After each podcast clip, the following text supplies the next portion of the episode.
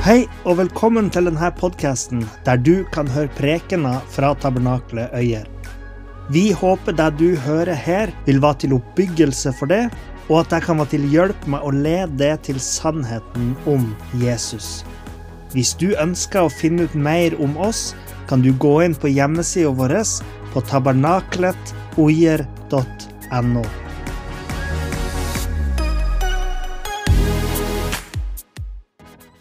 Hvis du ikke har vært med så mye på eh, møtene våre og på gudstjenestene våre i høst, så er det jo sånn at vi har holdt på med en såkalt prekenserie, der vi har holdt prekener ut ifra eh, noen bøker som heter første og andre Samuelsbok. Det er noen historiebøker som handler om historien om de første kongene i eh, Israel for ca. 1000 år før Jesu fødsel. Og i dag så har vi kommet så langt som til andre Samuels bok, kapittel 19 og 20.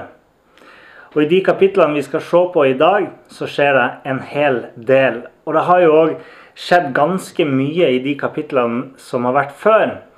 Vi hørte f.eks. For i forrige uke om Davids sønn Absalom og hva som skjedde med han.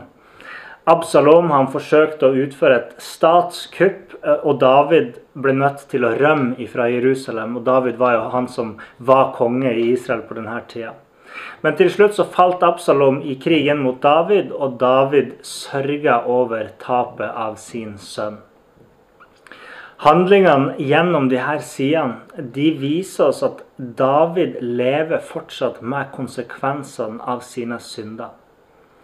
Karl Aksel Menzoni, som var på besøk hos oss forrige helg, han gjorde helt rett i å påpeke det at eh, selv om David var et bilde på Jesus, så var det ikke alt i Davids liv som reflekterer et liv som var verdig for en konge som var salva av Gud. David var en Messias, men ikke en Messias med stor M. Han var fortsatt bare et menneske. Og med det så fulgte det òg at David synda. La oss, la oss, først gå litt tilbake til da det først gikk skeis for David. I 2. Samuels bok kapittel 11 så lå David sammen med ei dame som heter Batseba, sjøl om Batseba var gift. Og David han sørga for å få mannen hennes drept. Og Senere så kom profeten Natan og konfronterte David. Og David utsa da en straff over seg sjøl. Egentlig felte jo David dom over en rik mann i en lignelse som profeten hadde fortalt for David. Men den rike mannen i lignelsen til Natan var egentlig David. David han sa at den rike mannen i lignelsen skulle betale tilbake firedobbelt av den skaden han hadde gjort. Og David hadde tatt et liv. Så ja, hvordan betaler man tilbake fire liv? Svaret på det finner man i de påfølgende kapitlene. Batseba var gravid og ble med barn sammen med David, men dette barnet døde. Og det er jo selvsagt trist at konsekvensen av Davids synd og den straffen han ga seg sjøl, gikk utover et uskyldig spedbarn. Men den trøsten som vi gis, er jo at David kommer til å få se dette barnet igjen i det neste livet. Og Derfor så sørga ikke David over dette barnet når det døde, når det hadde gått bort. For han visste at en dag så ville han se sønnen sin igjen. Så det her var man kan si, den første nedbetalinga av denne sjølpålagte straffen til David. Så blir Davids sønn Amnon drept av sin bror Absalom. Dette var den andre nedbetalinga. Senere blir Absalom drept av Davids nevø Joab. Det var den tredje nedbetalinga. Og den fjerde nedbetalinga skjedde etter Davids død, når Davids sønn Salomo henretta sin bror Adonia i første kongebok, kapittel to. Altså fire liv blir tatt fra Davids hus for det David gjorde mot Uria og hans hus. For noen av oss så kanskje tenker man at det her høres ikke rettferdig ut. Men samtidig så vet vi at det første barnet ble tatt hjem til Gud, mens de andre hadde sjøl gjort seg fortjent til straff. Sjøl om det kan være vanskelig å forstå at etterkommerne skal lide for det forfaderen har gjort, eh, så kan vi jo se lignende tendenser i vår egen tid. Ta f.eks. avhengighet til alkohol. Barn med alkoholiserte foreldre er mye mer sannsynlig å få et problem med alkohol sjøl. Og ofte tar det mange generasjoner før etterkommerne er fri fra konsekvensene av foreldrene sine handlinger. Som foreldre så vet jo de fleste av oss det her, at våre valg som foreldre kan utgjøre en stor forskjell og ha en stor påvirkning på hvor godt eller dårlig våre barn kommer til å ha det senere i livet. Og på dette punktet, som far og som ansvarlig for framtida til sine barn, så kom David til kort. Men Nathan han kom òg med et budskap til David fra Gud. I 2. Samuels bok kapittel 12 vers 10 og 11 så sier Nathan på vegne av Gud Derfor, pga. den synden altså, som han hadde utført med Badseba og, og drept Urea, derfor skal sverdet aldri vike fra ditt hus, fordi du har foraktet meg og tatt hetitten Urias kone til deg selv. Så sier Herren, jeg skal skape opprør mot deg fra ditt eget hus. Det var opprør fra David sine sønner på flere områder, men spesielt fra Absalom og Adonia, som begge forsøkte å utføre et statskupp mot David og hans hus, og forsøkte å ta tronen urettmessig. Samtidig så ser vi òg at denne profetien oppfylles i Amnon sine handlinger, i Absalom sine handlinger um, og, og, i Joab sine handlinger. Og eh, alle de gjorde uh, syndige ting, onde ting. De var ulydige. Og de drepte både den ene og den andre. Og Videre så sa Gud til, eh, til David gjennom profeten Nathan i kapittel 12, vers 11 og 12. Jeg skal ta dine koner for øynene på deg og gi dem til din neste. Og han skal ligge med dine koner midt i solen. For du gjorde det i hemmelighet, men jeg skal gjøre dette framfor hele Israel og foran solen. Denne profetien ble oppfylt da Absalom invaderte Jerusalem og drev David på flukt. Der Absalom tok mange av Davids koner. Og I tillegg så ser vi hvordan de her konsekvensene bærer videre i dagens tekst. Der vi ser en liten kommentar i kapittel 20 vers 3 om de ti kvinnene som Absalom hadde tatt til seg da David kom hjem til Jerusalem igjen. De ti kvinnene, medhustruene som han hadde latt bli igjen for å ta vare på huset, lot kongen få et bevoktet hus, og han ga dem deres livsopphold, men han gikk ikke inn til dem. Altså, David levde som om han hadde mista de her konene. I det vi leser de her kapitlene etter Davids store synd i kapittel 11, så begynner historien om David og hans hus å fylles med mørke. Historien om David begynner jo som en solskinnshistorie. Han blir salva til konge som ungdom. Han overvinner Goliat, denne kjempen, denne filisterkjempen. Han overlever Saul, denne kongen som ønsker å ta livet hans. Han inntar Jerusalem, denne tilsynelatende uinntagelige byen. Og han har stor framgang på alle områder.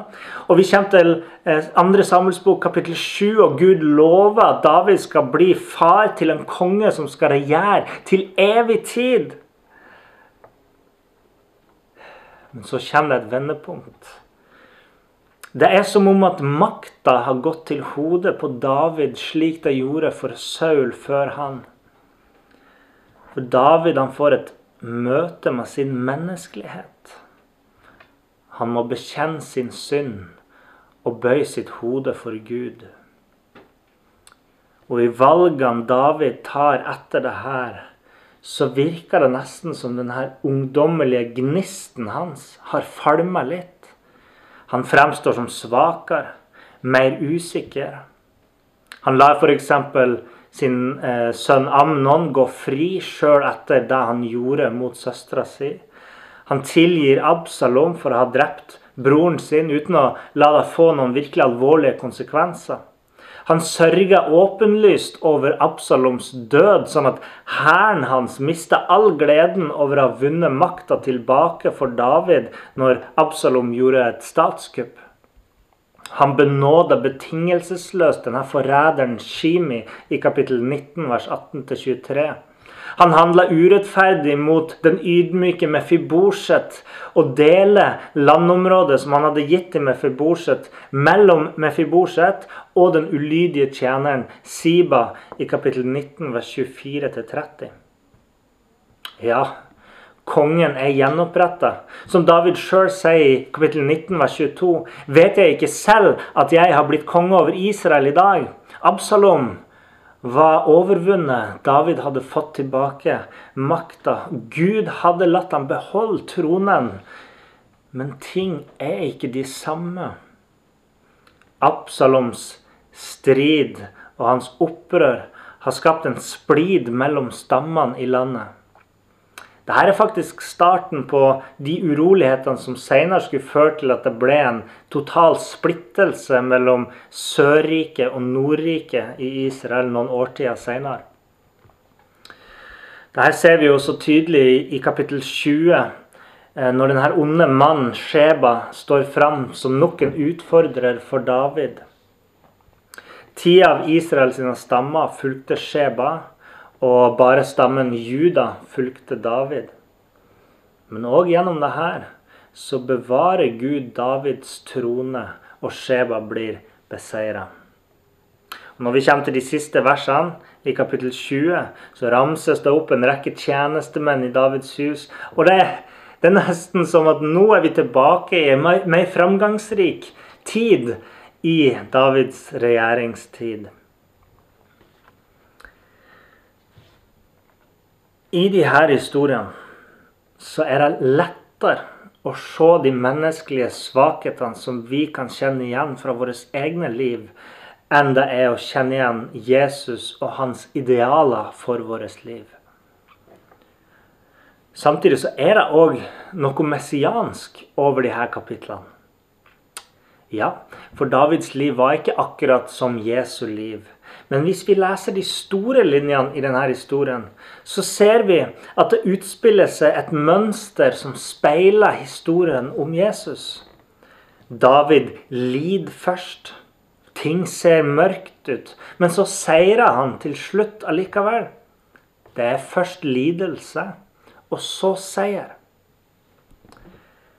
I historien om Absaloms statskupp så blir David skamfullt drevet ut av Jerusalem, ut av Guds by.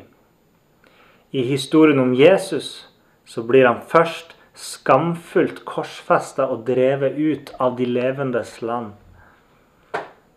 Men David kommer seirende tilbake og blir gjenoppretta som konge.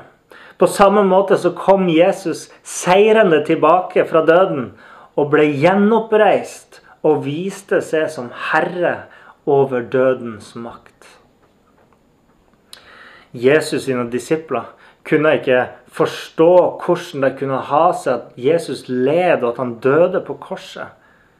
Helt til en dag da han viste seg for noen av disiplene på veien til Emmaus i Lukas 24, vers 25-27. Da sa Jesus til dem hvor uforstandige dere er, og trege av hjerte til å tro alt det profetene har talt. Måtte ikke Kristus lide alt dette, og så gå inn i sin herlighet? Idet han begynte fra Moses og fra alle profetene, utla han for dem alt det som er skrevet om ham i alle skriftene. Da er jeg sikker på at Jesus fortalte om David At han fortalte om David i ødemarka før han ble innsatt som konge. Og at han minte de på denne historien om hvordan David ble drevet på flukt av Absalom, for så å komme seirende tilbake. Hvorfor hadde ikke disiplene skjønt at Messias først måtte lide? Det var jo nettopp sånn det hadde vært for Israels største konge. Ja, det er mye mørke og lidelse i de her kapitlene. Og kanskje kan vi kjenne oss igjen i noen av de her karakterene, de her personene som vi leser om i de her historiene. Flyktningen David, den ærgjerrige Absalom, forræderen Shimi, den lamme, men ydmyke Mefibosjet, løgneren Siba, den gamle, men, men eh, lojale Barzillai, den ambisiøse Joab, den naive Amasa eller den onde Sheba. Kanskje flere av disse personene uttrykker forskjellige sider av den vi er, eller forskjellige sider av, av vår historie. Men felles for de alle, og felles med oss, er at de har alle synda og på hver sin måte måtte de bære konsekvensen av de syndene. Kristus måtte lide, men han var like fullt virkelig frelser. Og Det betyr at vi, sjøl om vi troende må gå gjennom både det ene og det andre og lide oss gjennom det, så er vi alle som tror på Han, virkelig frelst. Det betyr ikke at vi slipper unna alle konsekvensene i dette livet. Jeg mener, Hvis du gir noen juling, sant, så havner du kanskje i fengsel i opptil flere år. Eller at du må gå og bære på en dårlig samvittighet for deg resten av livet. Men Jesus han led ikke bare av sine egne smerter. Men Jesus han led òg for oss og for konsekvensen av våre synder. Vet du hva det betyr? Det betyr først og fremst at den ultimate konsekvensen for mine og dine synder, den evige adskillelsen fra Gud, det er en konsekvens som Jesu døde oppstandelse har sørga for at vi kan gå fri fra. Døden, som er syndens lønn, er noe som vi kan være fri fra, fordi Jesus bar den konsekvensen for oss. I historier sånn som denne, så kan det være at man får et inntrykk av, av at det som skjer i historien, bare er det, det rene kaos. At uh, Litt som Jesu disipler, så måtte det ha føltes som et kaos når Jesus måtte lide og, og dø på korset. Er det ingen som har kontroll? Hva er det som foregår? Og det vi har hørt om i dag, vitner faktisk om at Gud har kontroll. Det Gud sa gjennom profeten Natan, var jo akkurat det som skjedde. Men desto viktigere er profetien i 2. Samuels bok kapittel 7 vers 12-16, der Gud lover at han skulle bevare Davids trone, og at han skulle innsette en evig konge på den tronen. Og dette var et betingelsesløst løfte. Gud vil gi en evig konge til verden. Til tross for Davids feiltrinn, så holder Gud fortsatt sitt ord. David blir værende som konge sjøl om han møter motgang, og sjøl om han gjør feil. Og aller viktigst av alt, til tross for all verdens ondskap, til tross for all vår ondskap, så sendte Gud sin sønn Jesus til verden for å bli verdens frelser og konge for alle mennesker, akkurat slik som Gud hadde lovet. Guds løfter viser seg å være troverdig. Gud han har kontroll og gjennom alt det vi leser i Skrifta, så er det én ting som er sikkert. Vi kan stole på Guds ord. Gud han holdt alt det han lovte til David. Og Derfor så kan du, sjøl i all slags motgang, stole på at Gud vil holde sine løfter til det. Må Gud velsigne det masse i denne adventstida.